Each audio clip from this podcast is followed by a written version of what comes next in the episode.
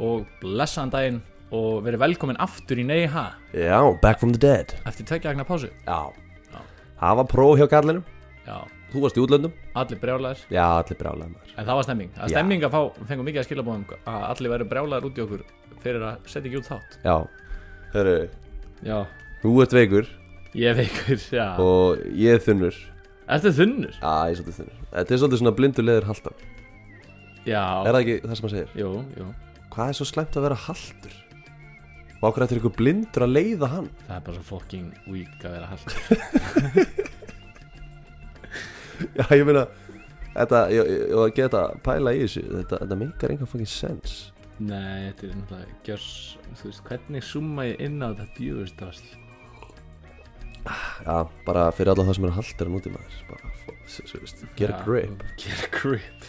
Þetta verður svona fokki mikið lúsir En Við hérna uh, Erum komin í hann þátt. Já, Og hann er heldur skemmtilegu Við hérna erum búin að fá mikið að skilabóðum um það uh, Og spurningar af hverju við höfum ekki hingað til Gert þátt sem fjallar um einhverja konur. Já, og bara rétt mætt gaggrinni Já, mjög valit sko, mjög Mhm. valit uh, og Hún kemur raun og veru raunverulega átti þriðji þáttur af, af vera strax með konu Já, já, og líka fymti þáttur. Já, við höfum researchað nokkra konur. Já, en hins vegar kom það þannig á bógin að- mikið af svona, umræðinni sem var var bara einhvern veginn frá allt öðru sér angul heldur en þær sögur sem vorum að taka. Já, uh, sko, náttúrulega þeirra aðalega sem við höfum tekið fyrir hinga til eru svona, kannski, personar sem við könnust við höfum heyrt sögur af. Mhm, þannig að þetta var svona kannski aðeins dýbra research já. sem endaði kannski ekki í sama upplegi og við lögum upp með til að byrja með sko. Nei, já, ég, ég nefnitt lendi ég var að researcha hérna Julia Roberts fyrir eitt þátt og ég lendi bara í erleikum með að,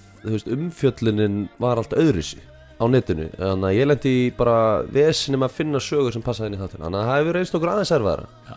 en? Ehen, nú er komið að því. Já, við, það er eitt meistari down the pipeline, Já, það er drottningin sjálf Madonna. Já.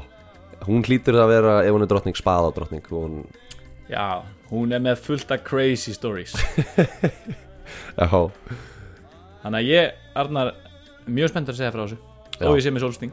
Já, ég er spenntur að heyra þetta þó ég sé þunnur. Ég er þetta, það er bara eiginlega betra að vera þunnur. Bara fyrir þá sem er að hlusta þætt, þáttin í þingunni. Það Bara er ég- dream. I'm, I'm there with you, Er þið ekki bara að vinda okkur í það? spilum þetta. Spilum þetta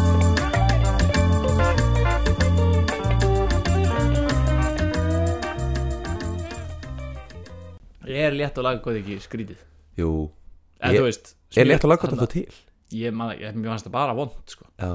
Ég meina smjörfi, bara dominates the market. það er ekki, ég mun aldrei horfa tilbaka, skilur og bara, oh, létt og laggótt, það er ekki lengur í bara, ég þoldi ekki þegar maður var í svona krakki Já, og var eitthvað svona að koma til vina já, eitthvað, og mamman eitthvað svona, já, vil ég ekki í samlóku, jú, og það var létt og laggótt og það var svo fokki mikið lett á hann, Líka bara, ég hef aldrei, vá, það er bara, ég, ég veit ekki hvenar, ef þú ert, ok Ég, ég væri til að ef þú ert að núti og borða létt og laggott þá var ég til að vita því, sko.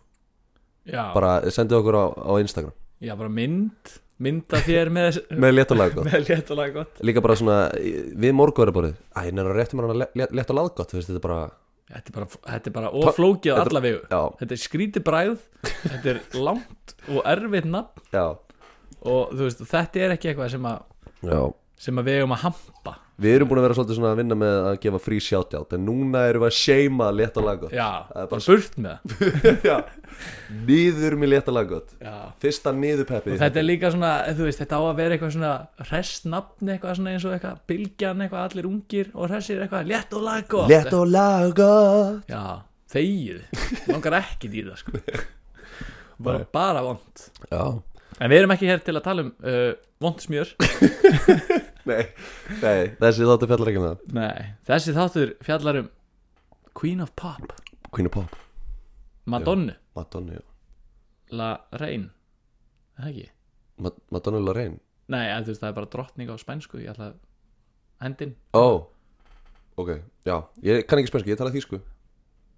En það er hl- Já, hljómar ég, það hljómar er ábygglega ekki næst sko. nei. En, Madonna maður. Uh -huh. Ég er búin að vera að rísa þess að hana smá. Uh. Hún er bara miklu en ég held sko. Já, ég, þú veist Ég þekki Baturinn Volið Ég hef eiginlega, sko, fyrir utan bara það sem hefur verið mainstream í útvarpinu þá hef ég ekki, ekki lusta mikið á hana. Nei, Ég hef ekkert nei. sett hann á marga playlisti hjá mér að þannig. Nei, en maður gýrast alltaf ef maður heyrir Já, skilur, hún á marga like a prayer eða eitthvað, um, En svo, hún er alltaf svona að poppa upp í hérna, í svona alls konar eh, popculture sem maður er að hérna, njóta. Þú veist, eins og bara í Pulp Fiction eitthvað, þá er það að tala um hana like a virgin eitthvað, það er Já, þá hérna, þú veist, þá er eitthvað að tala um Madonna og hún sé eitthvað klikkuð og þá var, ég, það var eitthvað svartu gæi uh, og stóri tillingar ég man ekki, það var eitthvað svona mjög þunn saga. Já, það var mjög þunn Já, en þú veist, Quentin Tarantino, hann greinilega vissi strax í byrjun á sínu ferðlega að hún var eitthvað crazy. Já, sko, máli er að, þú veist Ég held að hún sé svona með eitthvað svona crazy appearance vegna þess að hún var bara eitthvað svona kona sem var uppstígandi í eitthvað svona brjáliðu men's world sem að tónlistamanna sem var skilur, þú veist, alveg bara, og hún hefur bara stanslust frá því hún byrjaði bara verið að rífa kjátt sko. Og þú veist, og hella niður og skipta um tónlist skilur, hún er bara stanslust að sjokkera og stanslust að going overboard skilur, hún brjála flottur artisti en hún er bara með eitthvað svona hún er með eitthvað svona guðlegt svona persona, skilur, hún er svona bara eitthvað larger than life karakter eitthvað já, já. Og þú trúir því ekki hvað ég er búin að horfa mikið af einhvern svona viðtölum sem eru svo hræðilega cringy að því að hún er bara, þú veist hún er bara með shark eyes, skilur hún segir bara eitthvað og er svo bara dead serious og það eru bara allir kvolpar í kringum hana. Já, hún er að gera þeim erfitt fyrir. Já, en vissur að Madonna, Mm. hún er 60 í dag. Í dag? eða þú veist ekki, hún á ekki afmæli í dag skilur, en þú veist bara í dag er hún 60 Já, já, shit, nei, já, ég vissi hún var í gömul.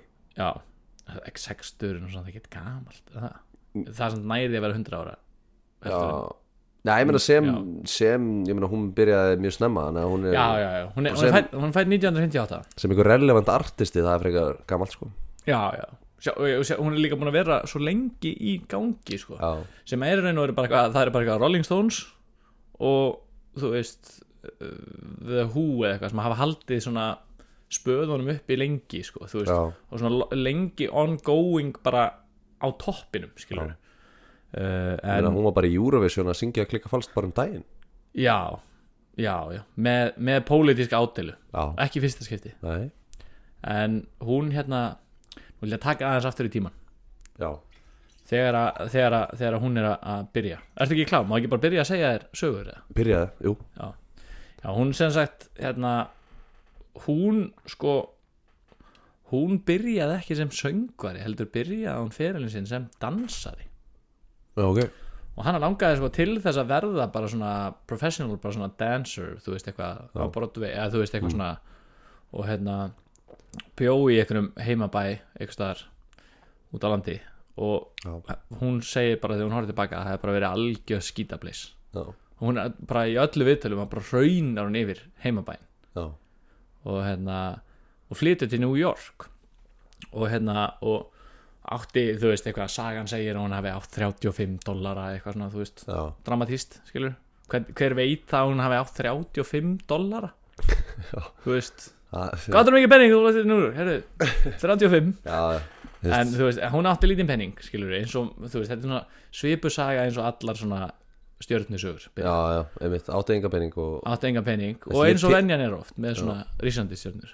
Já, að þá er það að fá sér vinnu á svona fast food veitingastöðum já, já, já. Veist, Ég tel ekkert peningana þegar ég fer eitthvað að flytja eitthvað þá er ég ekkert eitthvað, er ég á 100 Já, einmitt. Já, þrjú og fimm. 3 og 5, einu passarum en já. Hún sko, já eins og segi eins og venjan er með stjörnuna sko. þá byrjar, byrjar ferilinn í, í fast food. Mm. að- að að, hérna, þjóna eða afgreða svoleiðis. Og hún fær sér hérna vinnu á hérna, Dunkin Donuts. Já, Times Square en það endist heldur betur ekki lengi. Nei. þar sem hún var rekin samdægurs. Já, ok. Það kom einhver viðskiptavinnur að kvarta og hún var búin að vera í vinnunni í þrjá klukkutíma. Mm. og hún nefndi ekki að hlusta á þetta en hún tók svona brúsa með svona sultu þú veist eins og svona fylla svona berlínabólu með og sprautaði bara brúsanum yfir viðskiptavinn og bara yfir maðurinn á vaktinni bara stóð við hliðina og hann bara hvað er þetta að gera? Og bara já ég nefndi ekki að hlusta á þetta kjátaði og, og henni bara, og hún var bara hún fekk bara stífili Það er styrlað maður. Ég, Þannig að- ég fíla kleinurringi sko. Þegar, Svona eins og ég þá er þeir hollow on the inside. Já, þetta var djúpt. Nei, smá kleinurringi brandari. Já, við höfum þá ekki sko. Nei, en já, hún var hérna bara beint reikin úr, úr Dunkin Donuts. Já, ok. Og var á þessum tíma, þá var hún í sko hún flytið til New York til að fara í dansskóla. Mm. og ég er hérna að læra að dansa eitthvað. En svo einhvern veginn fer hún út í það að hún er einhvern veginn að eldast við eitthvað svona rock punk klumsutir, eitthvað svona hér og þar. Og hérna og var að spila, þú veist, eitthvað að spila á trommur og bassa og eitthvað. Kunni sem þetta geta hljóðfæri, sko, þú veist, það var bara eitthvað svona típa skilur Já, og bara, bara banga á trommunar og slap in the bass En kunni ekkert á já, þetta. Já, já, svo var hann bara með eitthvað stæla skilur reykt inni og þú veist, bara eitthvað þannig. Það virkar bara í punkunu að kunni ekki á hljóðfærin. Já, já, já, bara læti skilur og þannig svona slowly þú veist, verð, kemur hún svona inn í senuna mm. og nær síðan að verða detected í raun og veru út frá þessu. Hún var bara að fá eitthvað, þú veist, 10 dollara á gig og eitthvað og gerði bara hókið mikið að þessu. Já, og hérna uh, og hún strax þegar hún verður svona noticed að þá er allir, þú veist, með því og eins og hefur eiginlega alltaf verið bara með Madonnu allir hafa áhyggjur af því, þú veist, er hún lesbía eða er hún, mm. þú veist að því hún hefur verið svo mikið líka svona erotíst eða svona sexual icon bara Já. alltaf. Já. Og hérna og þetta er á þeim tíma þar sem menn voru stressaðir ef einhver var í lesbía. Já, já, já, já, já. og bara fórum enn í Í, kleinur í Keng. Já, og hérna og hún var rosa mikið þarna í New York á þessum tíma. Og var hún svona að fara á okkur staði og var ekkert að fíla sig og eitthvað. Mm. svo byrjaði hún að stunda svona uh, svona samkynna skemmtistæði, eða þú veist.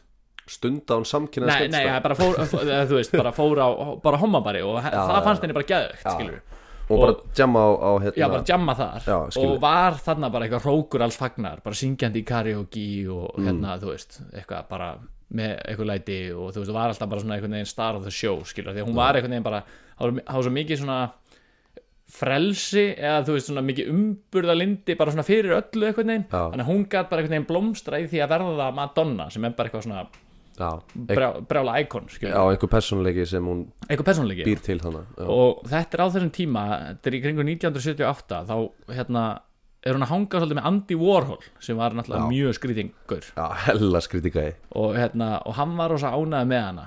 Og hérna uh, að því að hann sá svona í henni eitthvað svona það sem hann sá í sjálfu sér. Eða sá ekki í sjálfu sér eitthvað svo Já, já, og hérna sá eitthvað allavega já, sá eitthvað. Eitthvað, eitthvað skrítið því að Andy Warhol er rugglega sko. rugglegur, rugglegur og hérna og hann átti hérna var með eitthvað sem að hétt The Factory eitthvað svona húsnaði í New York Ég hef heyrt eitthvað- um The Factory. Alls konar rugg í gangi. Þetta er svona lista partíhúsnaði já, já, basically, og hérna voru alltaf bara allir á síru og í ruggli Já, en það er hérna ein saga af þeim tveimur uh, á einum svona bar svona uh, það sem að þau voru að stunda mikið sjálf og veist, hann var líka svona opin karakter og var í, þú veist, að þetta var svona á þessum tíma sem að þetta var einhvern veginn alltaf að unfoldast miklu meira og hægt að verða svona mikið tabú sko, þú veist, eitthvað svona samkynnið eða eitthvað. Já, ok, já.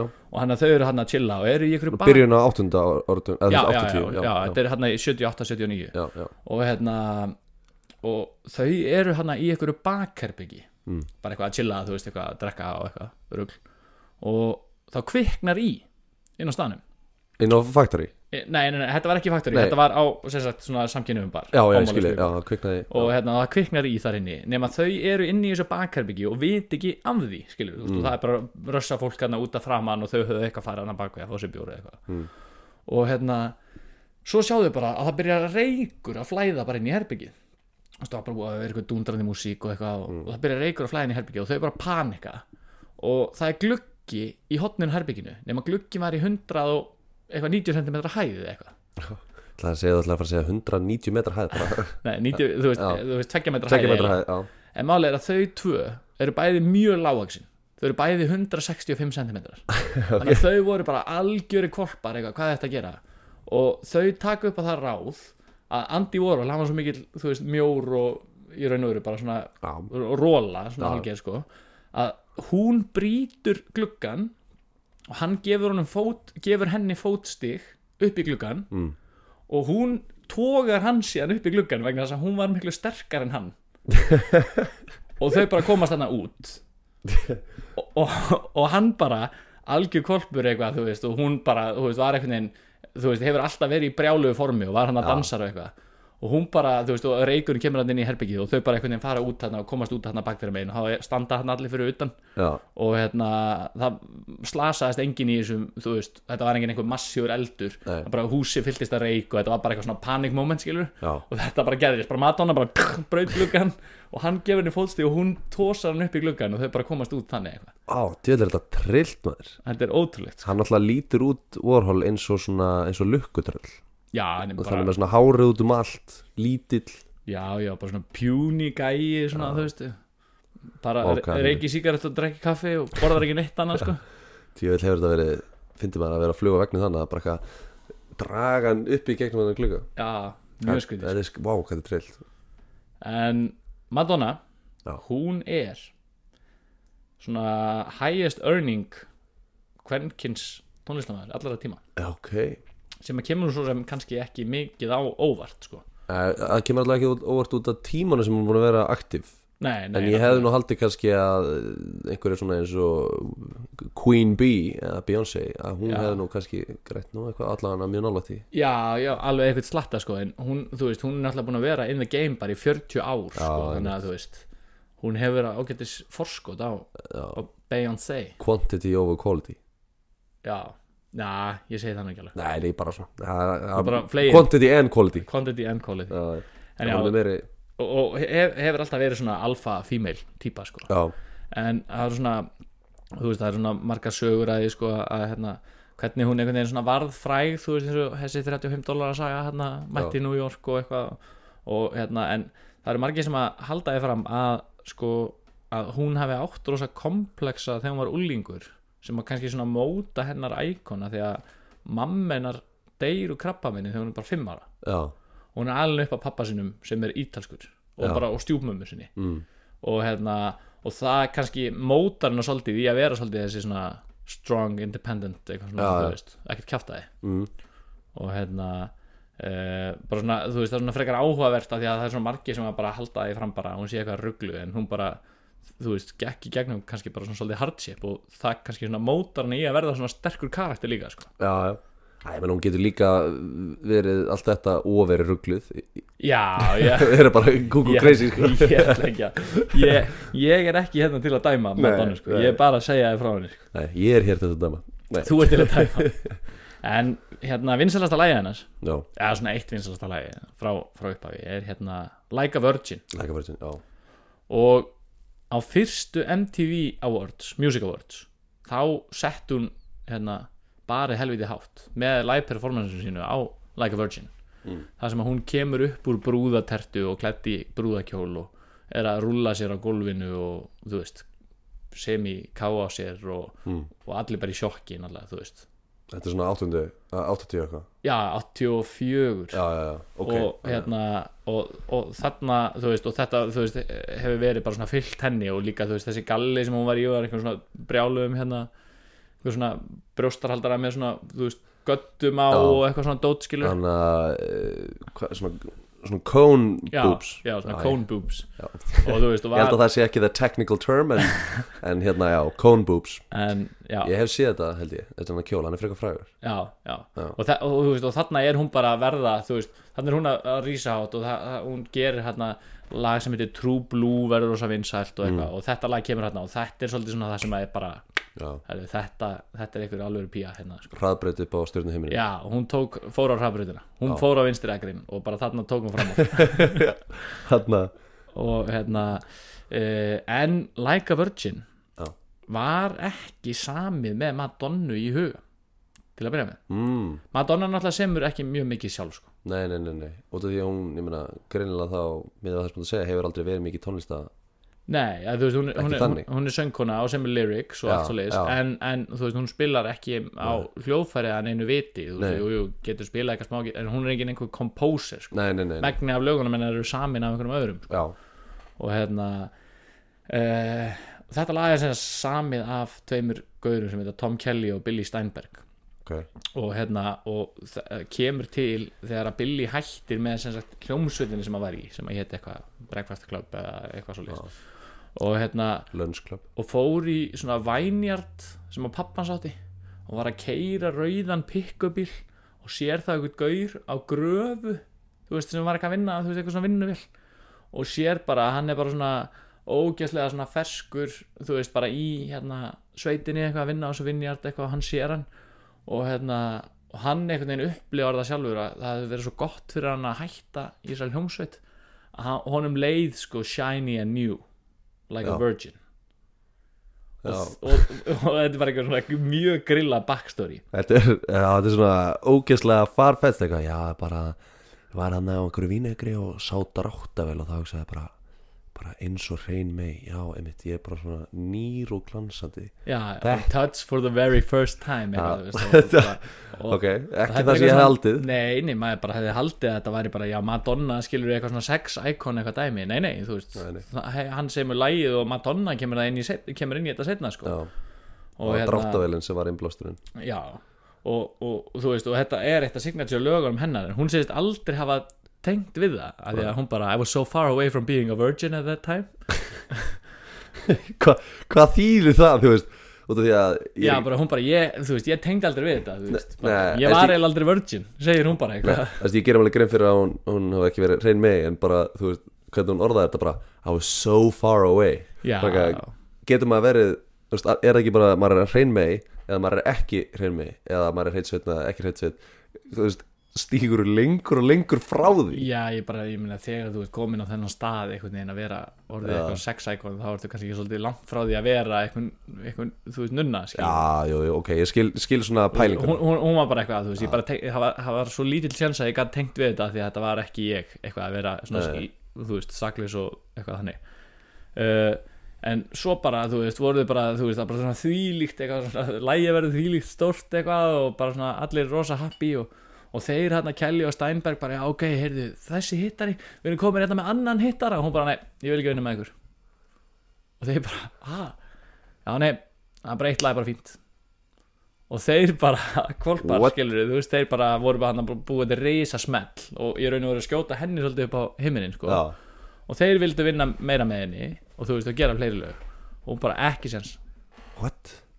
Það er, uh, uh, já sem er í raun og verið kannski svolítið cool move því að hún var eitthvað, ég ætla ekki að vera eitthvað dependent á að þeir sem ég góð lög Nei, nei, hún ætlaði kannski ekkert að vera bara eitthvað svona Stenberg og, og, Nei. og þú veist svona, eitthvað puppet Nei, mitt, ok, já en hérna, Og Þannig- líka kannski var bara syndandi í öðrum tilbúðum Eða eitthvað já, já, alveg potið sko. Mm. hann var nú svo sem ekki getið útskýrt eitthvað svakalega en Nei. hún, hún bara vildi ekki vinna meira með þeim sko. Já, og hún hérna eins og ég sagði þá er hún alveg hérna er hún alveg hérna ég horfði hræðilega mikið af viðtölum sem að voru bara ma- ég var bara, já já, nei, nú slekk ég á þessu sko, af því að hún er með svo ógeðslega svona dræ húmor já. og er bara með svona shark eyes allan tíman, skilur Ég veist, og- elska gott cringe, sko, ég er svona Já, en þú veist, og þetta var, þetta var svo mikið eitthvað svona, þú veist, svo oft að því að hún var, hún, hún bara, í öllum viðtölum þá er hún bara að stinga sokk upp í fólki sem er að tala við hana, sko. Þú veist, það er bara eitthvað, já, bara eitthvað, hérna eitthvað, hérna, hvað er að frétta af ástælífinu? Og hún bara eitthvað bara, why the fuck do you care?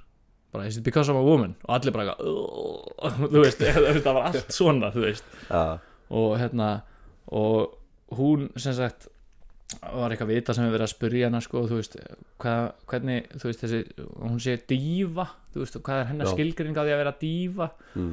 og hún bara, já, þú veist, ég þá vorum við að tala um bandaríska Þú veist, að vera svona Hvernig maður útskýra þetta á íslensku, dífa Það er svona eitthvað svona Já, já. Svona larger than life típa Þetta er Já. ekki svona eins og voga í dífa nei, nei, nei, nei, Þetta er svona, þetta er allt annað nei. já, þetta er nú kannski frekar þekkt törm á Íslandi. Já, kannski, er ég bara að þér en já, þá er hann eitthvað að segja eitthvað, já, þú veist, dífa það eru margir sem halda að dífa sé svona bitch og með svona Mm. bitch swipes.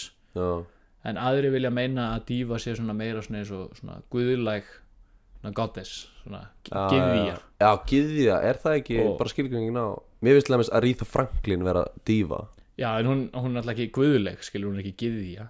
Nei, ok, já. En, En- en, þú veist, svona, þetta er Já, svona eitthvað svona, já, bara svona stór persónleiki, þú veist og oft Já. tala um svona söngkonu sem dífur skilur. Þetta er svona sama level og legend já, já, já, já, í raun og veru og hún er eitthvað, já, margir segja að það sé svona bitch og margir segja að það sé svona goddess. Og hún bara, ég er bara ég er þetta allt saman. Já, bitch og goddess og, og, Og diva, diva. já, og hérna og svo hérna var hún, var hún í viðtalið að var einhver gaur að spurja hana sko, hérna, hvað hún hugsar um þegar hún syngur lögin sín að því að hún hljómar alltaf svo sexy þegar hún er að syngja. Já, og hún bara stoppar og horfir bara á hann og bara svona þögn í nokkar sekundur og hann eitthvað svona eitthvað, heyrður hvað ég sagði? Og hún bara, ég held að þú þurfir bara að láta kíkja hausinar og hann bara eitthvað ó,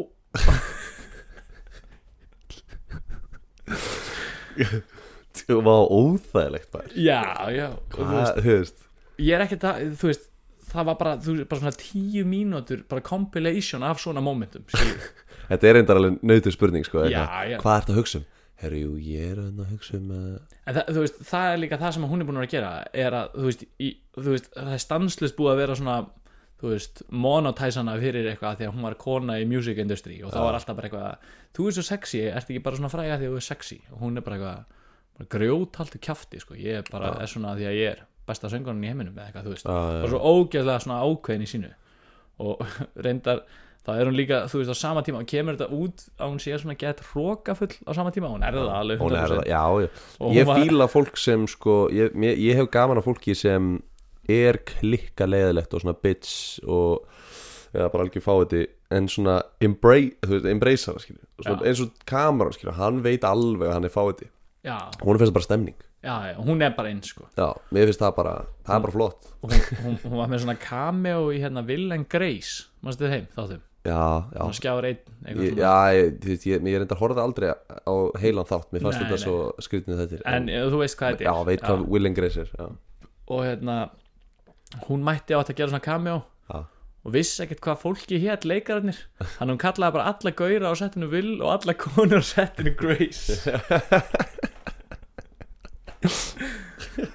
Og, að, og það var allir eitthvað þú veist, og, og þau fór í eitthvað viðtal gellan sem að leikur Grace og hún bara, mér var alveg fokkin sama sko, þú veist, þetta var Madonna sko, þú veist, að því hún er náttúrulega bara svo, hún er bara gyðja í einhvern veginn í bandaríkjunum sko, Já. og bara dýrkan allir og hún bara, þú veist, það skipti mig engu máli þó hún hafði ekki haft hugmyndum hvað ég heiti sko. Þú veist, þetta var bara, þarna fekk ég að vera með Madonnu en þú veist, þú veist alveg að þú ert fíblið og ætlar að kalla alla Will og alla gælur Grey sko. Já, það er skammalist sko. já, það er bara shameless bara, já, bara, bara. Grace á alla. Hey, Grace. Hérna, nennu að rétta Grace. Já, það er skrítið sko. Það er mjög skrítið. En hún bara hún, hún hérna hún bara ræður þessu þetta er bara, þetta er hennar heimur. Já, hún bara já. stjórnar þessu. Já, hún er drottningin.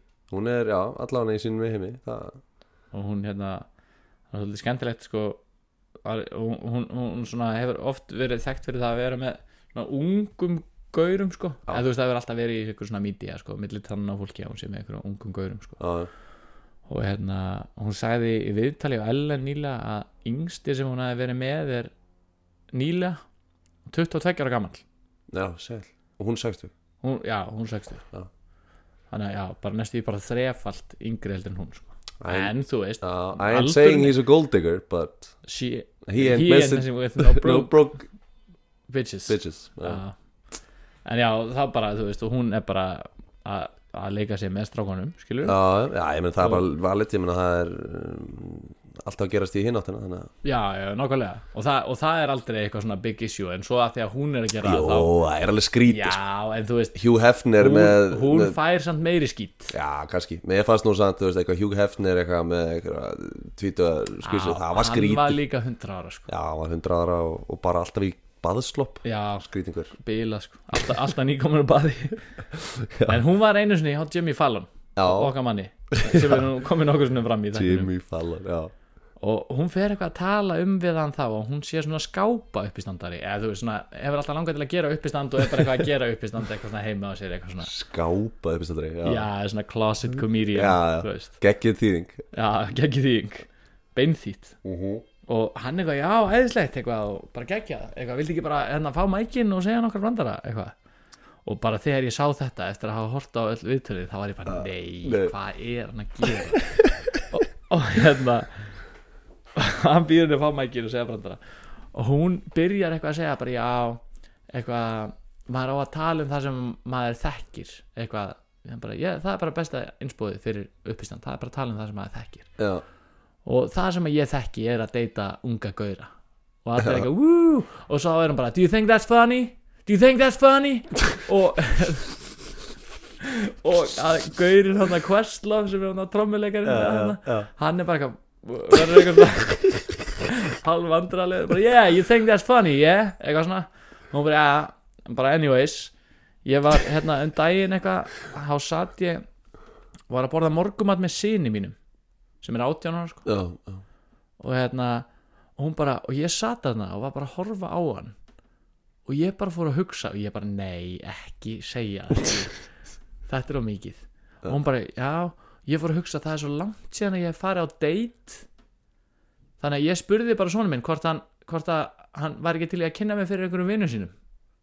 Og Jimmy Fallon hann er bara veist þetta var bara anti-joke skilur Já, já, já, já Vá, hvað það er og, hún óþægilegt bara, og svo fer hún bara í hlátiskast og það er allir bara eitthvað hvað? Kemur svona slow clap og átti þessu eitthvað svona. Já, bara þetta var mjög erfiður brandari skilur, Já, þú já, veist, bara já, hann er ég bara ákvað að spyrja son minn hvort hann geti ekki kynnt mig fyrir einhverju vini sínum. Svo fór hún bara að hlæja og Jimmy Fallon bara eitthvað greif fyrir andlítið og sagði, hvað er að gerast? Vá, maður. Vá, óþægilegt. Líka, líka bara, þú veist, hérna að að koma með eitthvað svona að mæta með uppistandið og svo eitthvað svona segja eitthvað sem fólki finnst fyndið og vera bara eitthvað You think that's funny? You think that's funny? og svo koma eitthvað sem enga finnst fyndið og bara svona láti skast það er ótrúleitt hún er bara þekkt fyrir að gera þetta hún er bara með svona mjög svona skrítin humor. Já, og hérna Vanilla Ice. Uh, já, Ice Ice Baby veit sem að var hérna þau voru eins og saman sko. Já, já, já, já. Uh, í, þau voru saman í heila átta mánuði og hérna hann, þú veist helmingin yngri sko, þú veist Já. heldur en hún, þetta var 92 mm, þá var hann bara kolpur sko. Já, og hérna hann ný, búin að gefa út þarna lægið þarna Ice Ice Baby og var svona eitthvað hitt í 90s og hann er bara eitthvað, þú veist, tvítuður eða eitthvað. Mm, og hérna og hún hérna fertug. Og hérna og þau eru bara hann saman og hann tala bara um það að hún hefði bara verið great lover og bara Mm. æðislegt. En hérna það var svolítið erfitt á sambandið að því að hún var stanslust að ringja í hann í tíma og ótíma og bara um miðja nóttina og var bara, ertu að halda fram með mér? Ertu að halda fram með mér? Og hann bara, þú veist, var bara nei, ha, eitthvað, og hann bara í sjokki og hún var bara eitthvað þú veist, eiginlega svona bara búljan og þú veist, alltaf ringja hann á móta bara ef hann fór eitthvað bara miðjan dag í kaffi eitthvað, bara, hún ringdi bara stansast í hann og Já, var já. svona gett eitthvað. Það verið svona svolítið abusive uh, samband. Já, það svolítið skrítið. En síðan fylgdi það mælin þegar að, hérna, Madonna gaf út svona svona borðstofubók, skilur það? Svona, þú veist, svona bók, Já, skilur svona ljósmyndabók sem heitir Sex og það var fullt af myndum af honum nögtum sem hann svona samþykkt eiginlega samþykkt eiginlega að Já, ok, ég séð þessa bók Mér langar pínu í þessa bók, hún er svolítið cool sko. já, og Naomi Campbell og eitthvað en hann, hann er bara eitthvað, þú veist, þetta er bara þú veist, hún bara, þú veist, bara alltaf að ringi mig og hérna alltaf bara skamma mig fyrir að vera að halda fram hjá sér og svo gefur hún út þessa bók hann að sex og það er bara fullt af nektarmyndum af mér sem að ég samþykkt ekkert almennilega Pældu kem hvað það í er þessari skrítið. bók og kærastæðin bara Byrtir bara, bara bóka þér bara til að myndir það er skrítið sko. Shit. En þetta er Madonna, hún bara já, hún stjórnar þessu hún bara stjórnar þessu. Ég held að það sé mynd af honum og Naomi Campbell og henni. Getur það bara í já, þessa bók? já, já, og einhverjum tveimur öðrum eða eitthvað slús Já, shit. En hérna hún hérna eins og þú veist hefur komið fram er svolítið svona alfa female sko. mm. og það var á Coachella festival hérna fyrir nokkrum árum. Já, þá var Madonna með atrið sem að var hérna svona medley sem þrjú lög já. frá henni mm. sem var eitthvað hérna like a, like a prayer og, og, og hérna og eitthvað eitt annar lag sem ég kannast ekki mjög vel við sko. Uh, en hún bara náttúrulega þú veist bara er á sviðinu með eitthvað svona frekar svona challenging svona kynþokka þú veist og Já, dregur inn á sviðið svona stól. Já, setur, setur inn á mitt svið og er hann eitthvað í stólunum eitthvað að rugga sér og, og er að labba um allt eitthvað og slá í rassin á sér og þú veist, er bara svona eitthvað þú veist, með svona challenging svona sexuality, þú veist, þegar hún er að syngja á eitthvað svona. Hún er bara ein á sviðinu sko. Og hérna síðan kemur hérna sem sagt, setna lagi var Hung Up sem er hann að samplað af ABBA. Sem er nú önnu saga að hafa víst rosa vesen að fá það sampl Já, og hún að skrifa formlegt bréf til Stockholms og eitthvað að fá það en Det á, är á, önnur- á svenska bara. Hej allihopa. eh, det här är Madonna och jag lurte på om du kunde få bruka sample för já, det og hann, þeir hann Björn og Benny bara voru ánæði með að fá bréf og Þeir voru ánægð með brefið þeir voru ánæði með brefið, já, ok. lit upp til hennar. Já, en voru samt með spínuvesen Já, det, det kan det vera lite problem. Já, það, vá, það er eins og sérst bara með brefið og en allan þetta lag er í gangi hérna. Og þegar hún er að klára það þá lappar Drake inn á sviðið.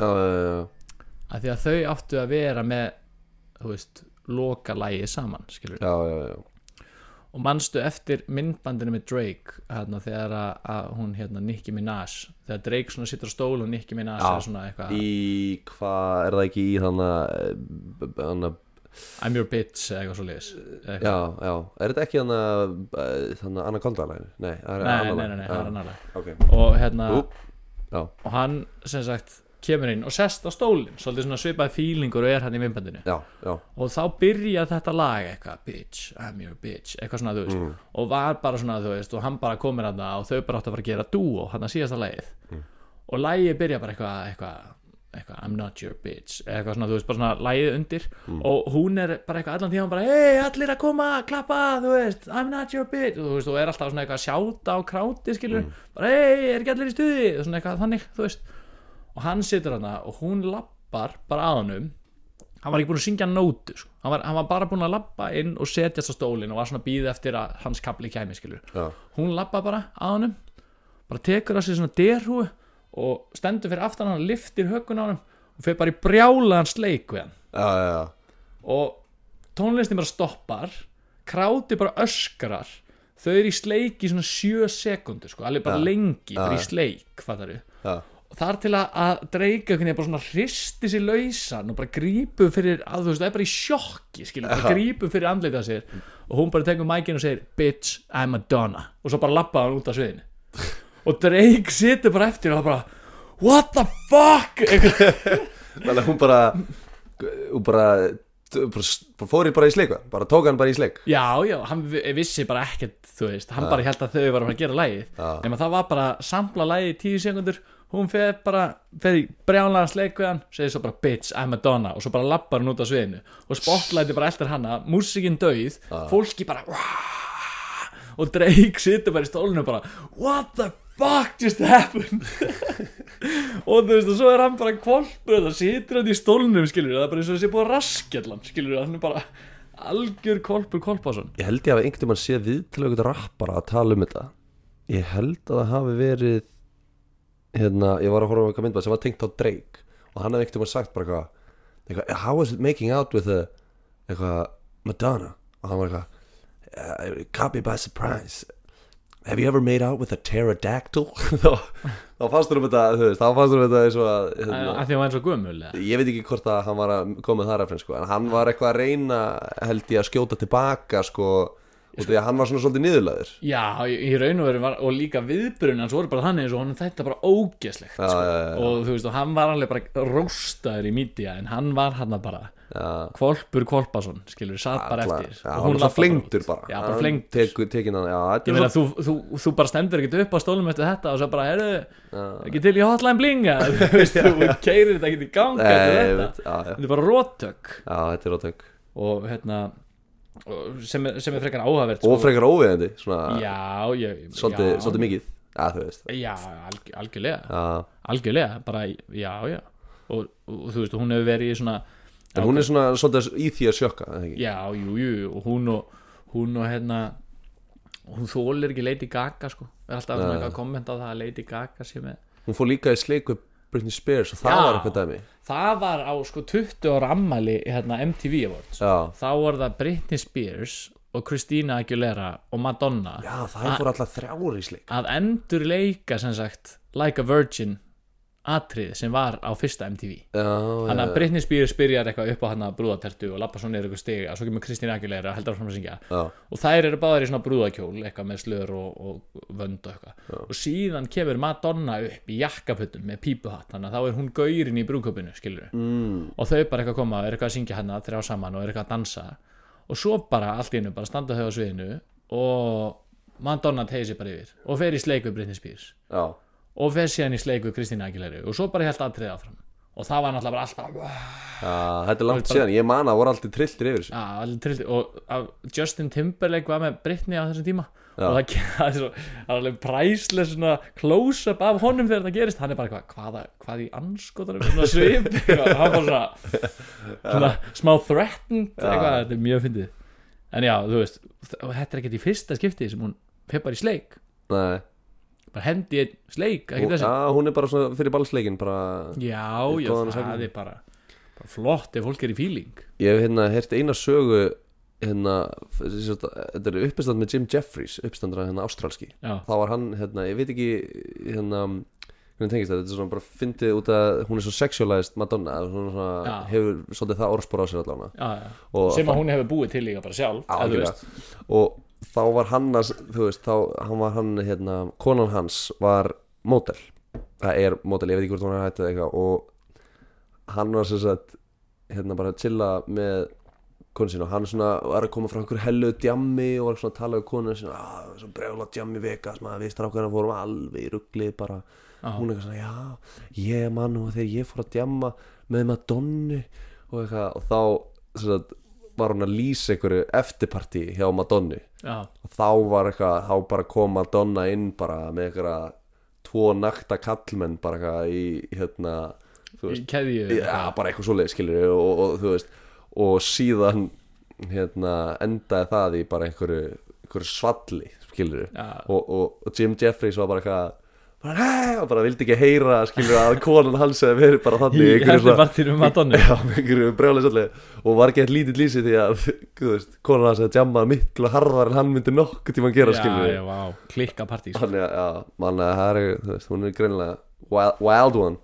Já, það, það fyndið að segja þetta Æ, hér er ein sko viðtal sem að hún fór í, í late night hjá David Letterman. Já,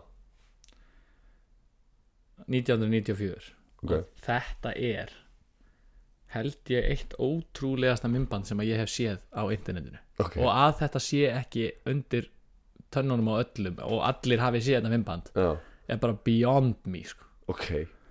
Madonna kemur hann inn. Sko, til að byrja með þá er þetta mest blípaði þáttur bara í sögu, þú veist, bara svona dút, Já, Svona í sögu lettumann eða í sögu lettumann Ok, að því að Madonna sagði fuck 13 sinnum í þættinum. Bara on live television já, skilur. já, já. Og Gæinn sem hann að, það er svona nokkra mínúnda delay. Já, Hann hefur verið stressaður að taka hann bara. Já, já bara, hún bara neldis út bara hægri vinstri sko. Og hérna þetta, er bara þetta er bara, þetta er bara ótrúlegt bara frá sekundu, bara frá því að hann segir bara, og Madonna er komin. Þá er þetta bara ótrúlegt turn of event sem Já. er bara hann hún lappar inn og heldur á einhverju veist, og lappar og hann eitthvað stendur upp skilur bara eins og er alltaf allir að klappa eitthvað svaka fjör. Og hún, hann kemur svona eitthvað, tekur utan hana og hún setur eitthvað svona í hendina á honum. Já, eitthvað. Og hann bara eitthvað, að tekur þetta og verður eitthvað svona hálfkjánalegur eitthvað og þau bara lappa og fá sér sæti. Og hérna og það er eitthvað gaur bara eitthvað I love you Madonna. Og þetta er reynda mjög skrítið að David Letterman er bara eitthvað, já bara go kiss the guy, bara farðu og kiss hann eitthvað, það myndi bara gera daginn hans eitthvað og hún eitthvað, what? Það er mjög skytið, já. Já þú veist þetta er ógeðslega skrítið sko, en veist þetta var bara svo ó, þetta, bæði var það það að var þetta var mjög asnalegt. Já, já, hann bara, já, farðu bara að kista hann. Hún situr eitthvað hérna og horfir svo á hann og svo bara segir, Ein- og hann bara farðu bara að kista hann. Og hún bara, you're a sick fuck. Segir það við hann. Og hann bara, heyrðu þetta má nú ekki segja í sjónarfinu hún bara, hvað, fuck? Og hérna, og akkur má ég ekki segja það? Og hann eitthvað hérna, er eitthvað hérna, þú veist, bara, já, já, við segjum þetta ekki. Og svo segir hann bara, eitthvað, aren't you going to smell them? Bara ætla ekki að þefa þeim. Ha, segir lettum á það? nei, hún. Já, og hann eitthvað, ha, hvað meinar og hún bara eitthvað, já, af nærbuksunum eitthvað, og svo segir hún bara í salin bara, því ég kom inn, þá gaf ég honum nærbuksuna mínar. Og hann bara ætlar ekki að þefa þeim og David Letterman, hann er bara hann er bara, nei, ég er ekki hann bara, ég síndi fólkinu eitthvað, ég, eitthvað, þú ert alltaf að pæli eitthvað, mér og mínu sexlæfi eitthvað, vilt ekki þefa nærbuksunum mínu, ég kom með þær fyrir þig, ég fór úr þeim hérna fyrir framann til þess að gefa þér og hann bara, nei, ég setja það bara hingað. Og hún bara, nei, eitthvað þefað af þeim. Og hann er bara, orðin bara eitthvað grænnana, þú veist, hann er bara ó, þú veist, bara eins og, bara selur og þurr landi, hann veit ekki hvernig hann á að snúa sér. Jesus maður. Og hún er eitthvað, þú veist, og hún er bara svona allan tíman, bara hann segir alltaf eitthvað, þú veist, er eitthvað að reyna að koma eitthvað brandara. Og hún bara, stop fucking with me, Dave. Let's just talk like two normal people. Og hann er svona alltaf að reyna að snúa öll upp í brandara. Og hún er bara, bara negla niður, bara í hvert eina skipti sem hann segir eitthvað og hérna og hann fer eitthvað hann, hann fer eitthvað eitthvað uh, hún segir eitthvað já, ætlar ekki að spurja mig um sexlæfi mitt? Og hann eitthvað, nei, okkur og hún eitthvað, þú ert alltaf að tala um það í þáttunniðinum hann eitthvað, ha, nei, hvað mér hann eitthvað, jú, þú ert alltaf að tala um sexlæfi mitt í þáttunum mínum, hann hefur ekki bara tala um sexlæfi mitt? Að ekki bara segja þér hvernig ég reyði í gær? Og hann bara eitthvað, nei, nei, nei, nei, nei þú veist, og hann bara missi stjórn, skilur, á viðtælinu Já, og svo eitthvað fer hann eitthvað að hérna, tala um að því á þessum tíma virðist vera eins og hún hefði eitthvað keift hlut í NBA-liði NBA-liði ok. Og hún verður eitthvað, hann er eitthvað að spyrja hérna, að spyrja hann út í körfubólta ávænar á NBA og hún situr eitthvað svona, já, eitthvað já, ég er bara mjög NBA æðislegt og eitthvað, og svo horfur hún eitthvað upp og þá er svona bómumæk fyrir ofan hana Já. svona langur bómumæk. Og hún eitthvað, that's a long microphone talking about the NBA og þú veist, var bara þú veist, alltaf að hendin einhverju svona svona borderline svona sexual kommentum um allt. Já, já, já. Og hann bara eitthvað, hvað meinar þau? hann bara, eitthvað, I've seen mics like that in the NBA, er hún að segja við David Letterman, og hann er hann bara orðin eins og strútur, skilur, hann veit ekkert hvað hann á að segja. Og svo fer hann eitthvað er að, er að spyrja hana hérna spyrja hana út í sko eitthvað Charles Barkley sem var í Chicago Bulls. Já, og hérna Frægur uh, Legend. var líka í Space Jam með kallakarninu og hérna e, fyrir ekki að spyrja hún í Charles Barkley og, og hún verður eitthvað svona e, eitthvað já og hann eitthvað, eru þið ekki vinir? Og hann bara já, þú veist sumir myndu kalla þetta vini eitthvað. Og hérna er, er, hann, er hann þú veist, er kom eitthvað upp á milli ykkar? Og hún eitthvað þú veist, það fyrir eftir hvað þú kallar það og eitthvað, er eitthvað svona þannig. Og svo hérna uh, og, og svo segir hann eitthvað svona já, eitthvað he got behind me þú veist. Og David Letterman bara, wow, ok eitthvað hérna. Og svo sér hann að hún er með neflokk Já, og hún, hún spyr hérna þá spyr hann eitthvað, eitthvað var þetta vond og hún eitthvað, þetta með Charles Barkley tala, hann eitthvað, ég sé það með neflokk, var þetta vond og hún bara, er það að meina þetta með Charles Barkley? Og hann bara eitthvað, nei eitthvað hann eitthvað, ha, hvað meinar? Hann eitthvað, nei, þú veist bara, svo segir hann eitthvað, what happens when you take it out? Hann bara, og þá sagði hún do you want me to answer to both of the situations og David Letterman skilur bara þessi gæi sem hefur alltaf verið eitthvað svona léttur klán eitthvað Já. hann er bara, þú veist það bara er alltaf að brenna í höndunum á hann skilur svo segir hann bara, já já, herðu, nú við að klippa yfir í auðlýsingar, hún bara, nei, nei, við þurfum engar auðlýsingar við erum bara að spjalla saman hérna. Bara, stop fucking around. Og hann bara, heyrðu, þú verður að hætta að segja þetta, skilur og hérna, og hún hún eitthvað, já, og svo kemur eitthvað fer, er klift í, sem sagt, eitthvað auðlýsingarlíði og svo er komið aftur og þá situr Madonna og er að reykja bara vindil bara þykkan vindil. Þegar myndarinn kom aftur tilbaka? Já, og hann bara og hann eitthvað, hvað, hérna hvað, hérna þú veist, hvað, hvað er þetta, akkur er þetta að reykja vindil? Og hún bara, "Eh, bara því mér langaði þess að reykja vindil. Svo bara eitthvað, it reminds me of the NBA og svo bara og, og Það er eins og það bara Það er eins og að fjárfest bara í því NBA bara þess að, þú veist, vera bara með eitthvað heilt lið af sætum strákum. Og svo, og hann er eitthvað hann er eitthvað bara, nei, come on, hún bara eitthvað David, stop fucking with me. Og þá fer myndaðilin bara út í sal og það er eitthvað svona gamalt fólk út í sal og þau eru bara þú veist bara, hvað er í gangi hérna? Þeim fannst þetta náttúrulega bara hræðilegt. Og, hann, og David eitthvað, já sjáðu þú ert að æsa áhörinnar og þau bara eitthvað svona standi og kallið stendur upp og öskrar eitthvað og hún bara eitthvað, what's the matter, I can't say fuck. Og gamla konan eitthvað sem tekur fyrir eirun á sér. Og, og David Letterman er bara og hann er bara eitthvað shit maður. Eitthvað, það bara, þú bara æsir alla þegar að þú ert að segja eitthvað svona. Og hún eitthvað, já, hvað hva, hva æsist í þér við að tala um mig? Hvaða hluti líka maður eins æsist við að tala um mig? Jesus Christ og, og hann er bara eitthvað hann er eitthvað, heyrðu, eitthvað hmm, góð spurning, hérna já, og svo fer hann eitthvað að spyrja já, með hérna nýja túrin og þá bara köttar hún fram fyrir hann og hún segir bara, vissir það er gott að pissi sturtu og hann er bara eitthvað, bara tekur fyrir andlitið á sér það er bara,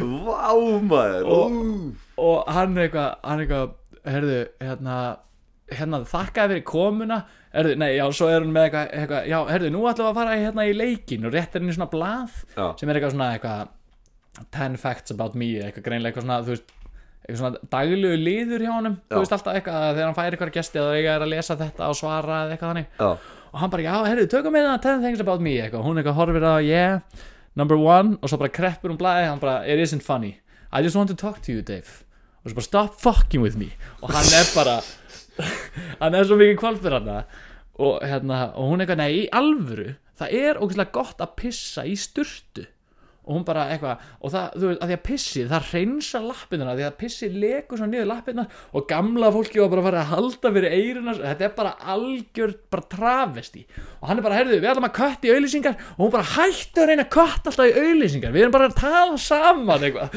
Þetta, er- þetta er líka 25 ár síðan sko. já, já, 25 ára síðan. Shit maður. Og svo bara endar þetta sem í þannig hann segir bara, herðu, jú, við ætlum að hérna, kíkja í auðlýsingar og sjá hvað gerist eitthvað þegar við kemum tilbaka svo bara köttaðu auðlýsingum og hann bara, herðu, takk fyrir gott, ég er gaman að sjá okkur og bara þáttur er bara búinn. Shit. Vá Þetta er ótrúlegt. Þetta er ótrúlegt. Ég er eiginlega og Hún var alltaf bara hann eitthvað að horfa á hann og svona sleikja út um, þú veist, hún var bara að stuða hann, bara stanslist og þessi gæi sem bara professional comedian var bara kvolpur kvolpur kvolpason, skilur, Vá. hann, bara, hann meikaði ekki. Hann hafði Já. enga stjórn á viðtalinu, skilur hún bara, hún bara hreint honum um. Shit, pældi að líði ekki óþægilega að maður læti svona, skilur Já, bara eitthvað þú veist, það er alveg fyndið að fokki fólki sko, en, en þegar, þú veist, þegar þetta bara komið á þetta steg bara að taka aldrei grímina niður og bara, nei, herru, ég er hætt, ég er hætt. Já, bara endalest að já, íta bara stoppar ekki, skilur, Já. bara shark guys Já. bara bámaður byluð já, En Arnar, þetta voru alla sögurnar. Damn it.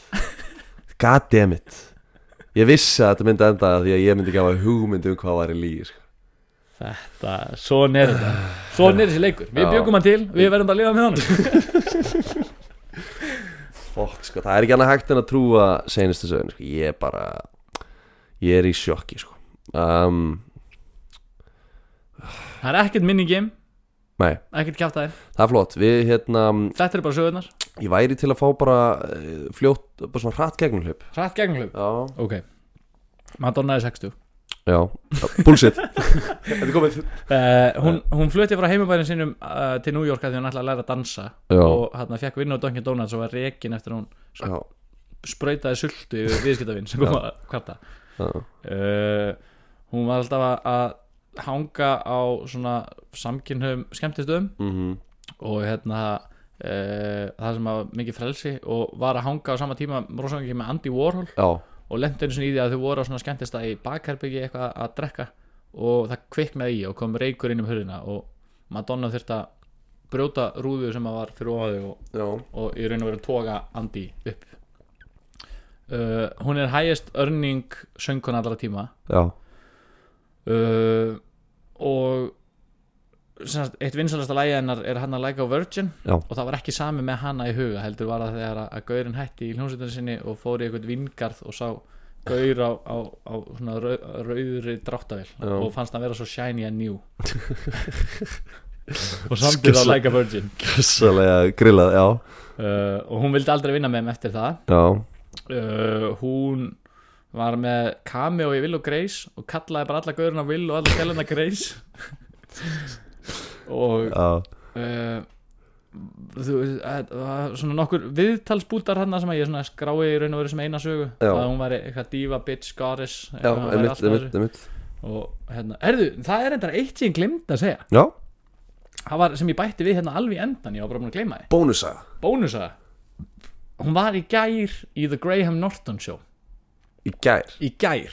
Ok. í viðtali í Graham Norton Show og þar er hún bara eitthvað að tala um að Instagram sé bara, er það sem munir tortíma heiminum og eitthvað, þú veist, það er bara að segja eitthvað svona rugl, af því að hún var að gefa út nýja plötu Bara fuck global warming Bara Já. Instagram Já, er að þetta fara bara er að eyðileggja líf fólks og eitthvað svona Já, dót. jú, jú. og hún er, var að gefa út nýja plötu sem, sagt, sem heitir Madame X. Og hún var að ræða þessa plötu hana nema hvað, að í þáttin og eftir henni kemur hjartagnúsarinn Sir Ian McKellen. Já, og hann kemur í þáttinn og hún eitthvað þegar hann kemur þá færir hún sig alveg svona niður í sófanum og hann eitthvað, hvað, hvað, akkur er þetta að færa þig eitthvað? Og, hún, og hann er eitthvað neginn allan tíman að upstage hana og hún var bara mikið eitthvað að stæla við hann. Og hann bara eitthvað, já, mannst ekki hann að, ég með Kellen, Gandalf Já. One of my favorites. Já, og hann er eitthvað hann eitthvað, hann eitthvað já, við höfum nú unnið saman einu sinni. Og hún bara, really? bara, já, ég man ekki eftir hann bara, já, það var á svona góðgera skemmtun eitthvað fyrir ekki svo lengur síðan þá vorum við, þú veist, að vinna saman og vorum við saman við viðtal og eitthvað svona. Hann bara, já, ég man ekki eftir eitthvað. Og þáttastjórnaðin er svona, já, ok og ég með kellan er bara eitthvað að hlæja hérna og, og svo, svo segir hann bara hérna, er hann eitthvað að tala um að, að hann var 80 ára eða nýbúin að vera 80 ára. Já, og hún bara eitthvað, já, hérna, já, ég, og þú veist, og er alltaf að grípa fram í fyrir honum. Og ég að mig kellin eitthvað að þetta er nákvæmlega ástæðan fyrir því að ég bauði þér ekki 80 ára afmæli mitt. Að því að mannst ekki eins og eftir að unni með mér eitthvað. Og svo er hún eitthvað að gera grína því að hann með nafnbótina Sir. Já. Og, og er svo bara eitthvað, já, mér finnst það ömulegt eitthvað, eitthvað, þú bauðst okkur ekki ammali eitthvað, ég skil ekki hverju við nennum að sitja þetta með þér. Og hann bara eitthvað, hvað meinar við eitthvað, við erum með kampaðin eitthvað og hún bara, já, það er ekki búin að rétta með kampaðinni og þáttastjórnandinn eitthvað sækir kampaðinsglassi og réttir henni og þá kemur hún bara eitthvað, happy birthday. Og þeir bara, já, takk eitthvað. Þetta er ógeðslega skrítið. Vá, alltaf að láta allar liða óþægilega Já, en þetta átti að vera partur af viðtalspakkanum. Ég bara bætti sinni rétt á hann komst því ég bara, þú veist, þetta var bara eitthvað 12 klukkutíma gamalt mymband sem ég sá. Hún er svo mikill svo mikill fökker Algjör fökker og internetið er brjálað hvað hún var að- sína honum litla virðingu. Já, ég meina, Sir Ian McKellen Hann er svo mikið bara svona Hann er svo góðhjartar, gamall kall Hann er svona hjartagnúsari. Hann er bara svona, hann og David Attenborough eru svona afar Já. heimsins. Já, já, hún var bara með stæla. Já, og þetta, var, þetta leit svolítið svona út eins og að þú veist að hann var að upstage hana skilur, þú veist Já. að henni þetta óþægilegt að Já. hann væri þú veist, eitthvað karakter með hærri status heldur en hún eða eitthvað þannig sko. Já. Ef Ian McKellen er svona einn af öfum heimsins Þá er hérna Madonna Hún er svona ruggla frænka sem ferðaðist svona um heiminn og er með eitthvað ruggla sögur og kemur svo í Já, kemur í, núna að, að partí. smíða svona fjölskyldu heimsins? Já, já, ætlum að búið til já, já, það er stemma fjölskyldu til. Hún svona kemur, kemur og er óveðandi í matabóðunum og, og Já. er með eitthvað ruggla hellir niður. Já, stemning að tónlist. drekka með henni og svona. Já. En já já, uh, leiðin til að uh, hún hefur verið að milli tanna í fólki að því hún að, hefur oft verið að deyta unga gauðra. Og var hjá Jimmy Fallon að sagði að væri draumurinn að vera uppistandari. Já, og hún hérna segir að, að hérna, sögulegt uppistand. sögulegt uppistand. Þar sem hún að, að, hérna, að maður er að tala þess að sem að hún þekkir og hún, hún þekkir að deyta unga gauðra og fólk verið að hlæja og hún bara you think that's funny? Og segir svo bara eitthvað brandar um það að hún hafi spurt átjánar á són sinn hvort hann ætti ekki eitthvað vini sem væri til að fara með henn á já, og fannst það fokki fyndið og fannst það fokki fyndið og Jimmy Fallon og bara hljómsveitin og bara í sjokki skilur bara grípa fyrir andlitið og hún og Vanilla Ice voru saman já, í átta mánu en hún var alltaf að ringja hann um miðanótt og spurja hvort hann væri að halda fram hjá þess og svo endaði sambandið þeirra endalega þegar hún gaf út bókina Sex það sem var fullt af tilamyndum á honum. Ummi sem að hann var ekki svona, þú veist. Var ekki búin að sagða ekki? Já, eða þú veist, Ah. en þú, þetta svona sambandið var kannski á þeim stað að hafa taktlist að gefa út bókina, skilur, Ah. þú veist, þau voru kannski ekki nei, mitt en þetta var svona, þú veist, það sem fylgti mæli. Og síðan á Coachella þá voru Drake og Madonna saman eða áttu þau að vera saman í atri já, nema Madonna tók 10 sekundar á læginu hann átti að syngja, lappaði svo upp á hann og fór í sleik við í 100% sjokki og hún tók upp mækinn og sagði bitch I'm Madonna og lappaði svo í bara talk about power moves sko Drake fraus og var kvolpu kvolpu Mér finnst líka Drake svo fyndir Hann er eitthvað svo að, Þú veist, út af hann er með þessa svona harða raptonist En hann er svo eitthvað svona kanadískur Og, og eitthvað, hann er svo mikil já, Hann er svo mikil kettlingur í mínum augum. Já. sérstaklega við hlýna Madonna maður. Shit. Já, og svo ég raun og veru í framhaldið þessu sem að átt að koma sem að þú myndi mig á er í raun og veru að þetta gerist það sama hann á MTV Awards með Britney og Christina Aguilera. Já, já, já, já. Og hérna, og þá var Justin Timberlake kolpur í myndölinni og svo var það loka sagan að það var klikkast að vita sem ég nokkuð tíma síð hjá David Letterman. Já, vá, svaka sprengi í lókin um, Ok, ég hérna um, Ég Hvað kom eftir Andy Warhol söguna aftur? Það var Like a Virgin og sem sagt, já, hún er highest earning female singer. Já, en eftir það. Og svo að vinsalasta lægi hennar eitt vinsalasta lægi er Like a Virgin og það var ekki sami með hana í huga heldur var það sami þegar að Gauri Já, Móru ég- og Vænjart og Ég man núna hvað að saga mig langaði að kála búlsýta á. Já. um, Sem ég, Þetta er svo erfitt og mér finnst þetta svo fárlegt En svo finnst mér ennþá ótrúlegra ef þú hefur samið þetta Skilur við, Þú veist, þetta er svo Þetta er svo ógeðslega grillað En svona eins og þess að þáttur er stundu Þá er svona, svona grillið Það er Hérna, veistu ég er svona Það er hana Will and Grace. Cameoið. Já, þú veist Og að hún hefur verið að kalla alla bara Will og Grace. Já, Þú veist Það er bara ótrúlegt, skilur Bara alla setti. Það er fucking, þú veist, það er bara svona Bara basic mannleg hegðun Skilur Já. að láta ekki þannig.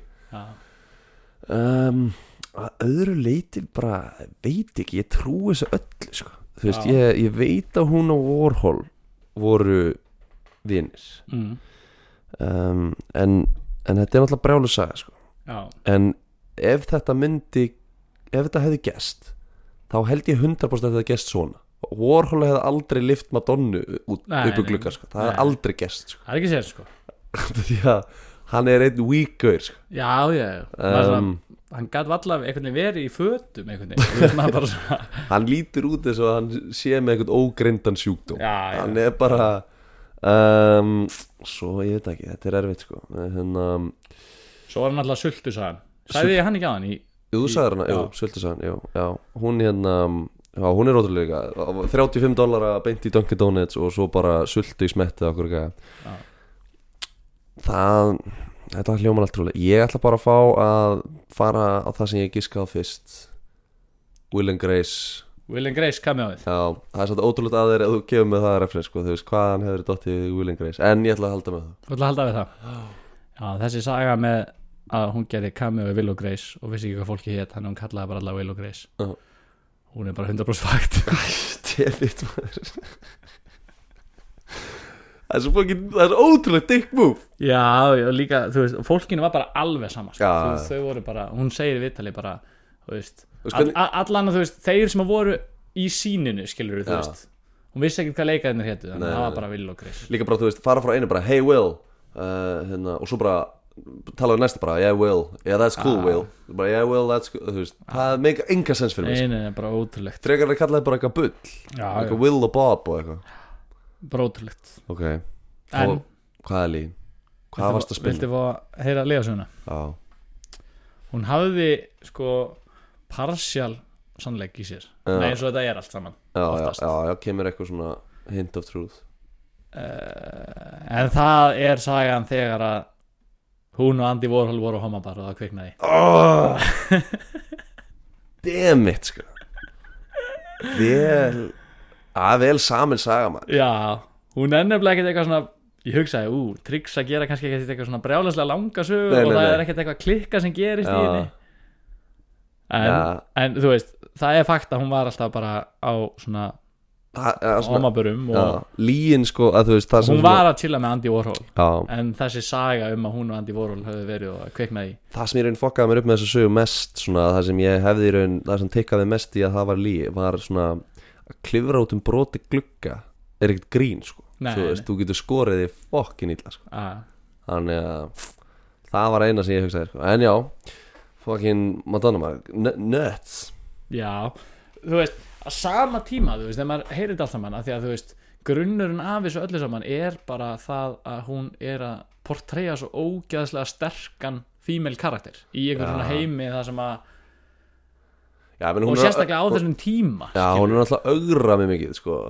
Ég held að hún sé 50 Þú veist, þetta er svona uh, Þetta minnir mig á Ég sá eitthvað viðtalengtum við Beyoncé og hún talar um, ég man ekki hvað gellan sem Beyoncé í raun er. Þú veist, Beyoncé er bara einhver svona frekar in, mikil introvert. Mm, og svo er stage persóna hennar sem heitir eitthvað allt annað er eitthvað, heitir, þú veist, er eitthvað önnur persóna skilur já, já. Það er svona, ég veit ekki hvort að það er með Madonna, ég fæ ekki með ekki það væp frá henni sko, en, en, en, en þú veist, hún er náttúrulega augra en hún er líka algjör digg sem er náttúrulega bara geggja sko, Já, þú veist, það fokki fyndið en það er, segja öllum að grjóta sig sko. já, já, þú veist, þetta, þetta er hérna, eins og þetta lettum hann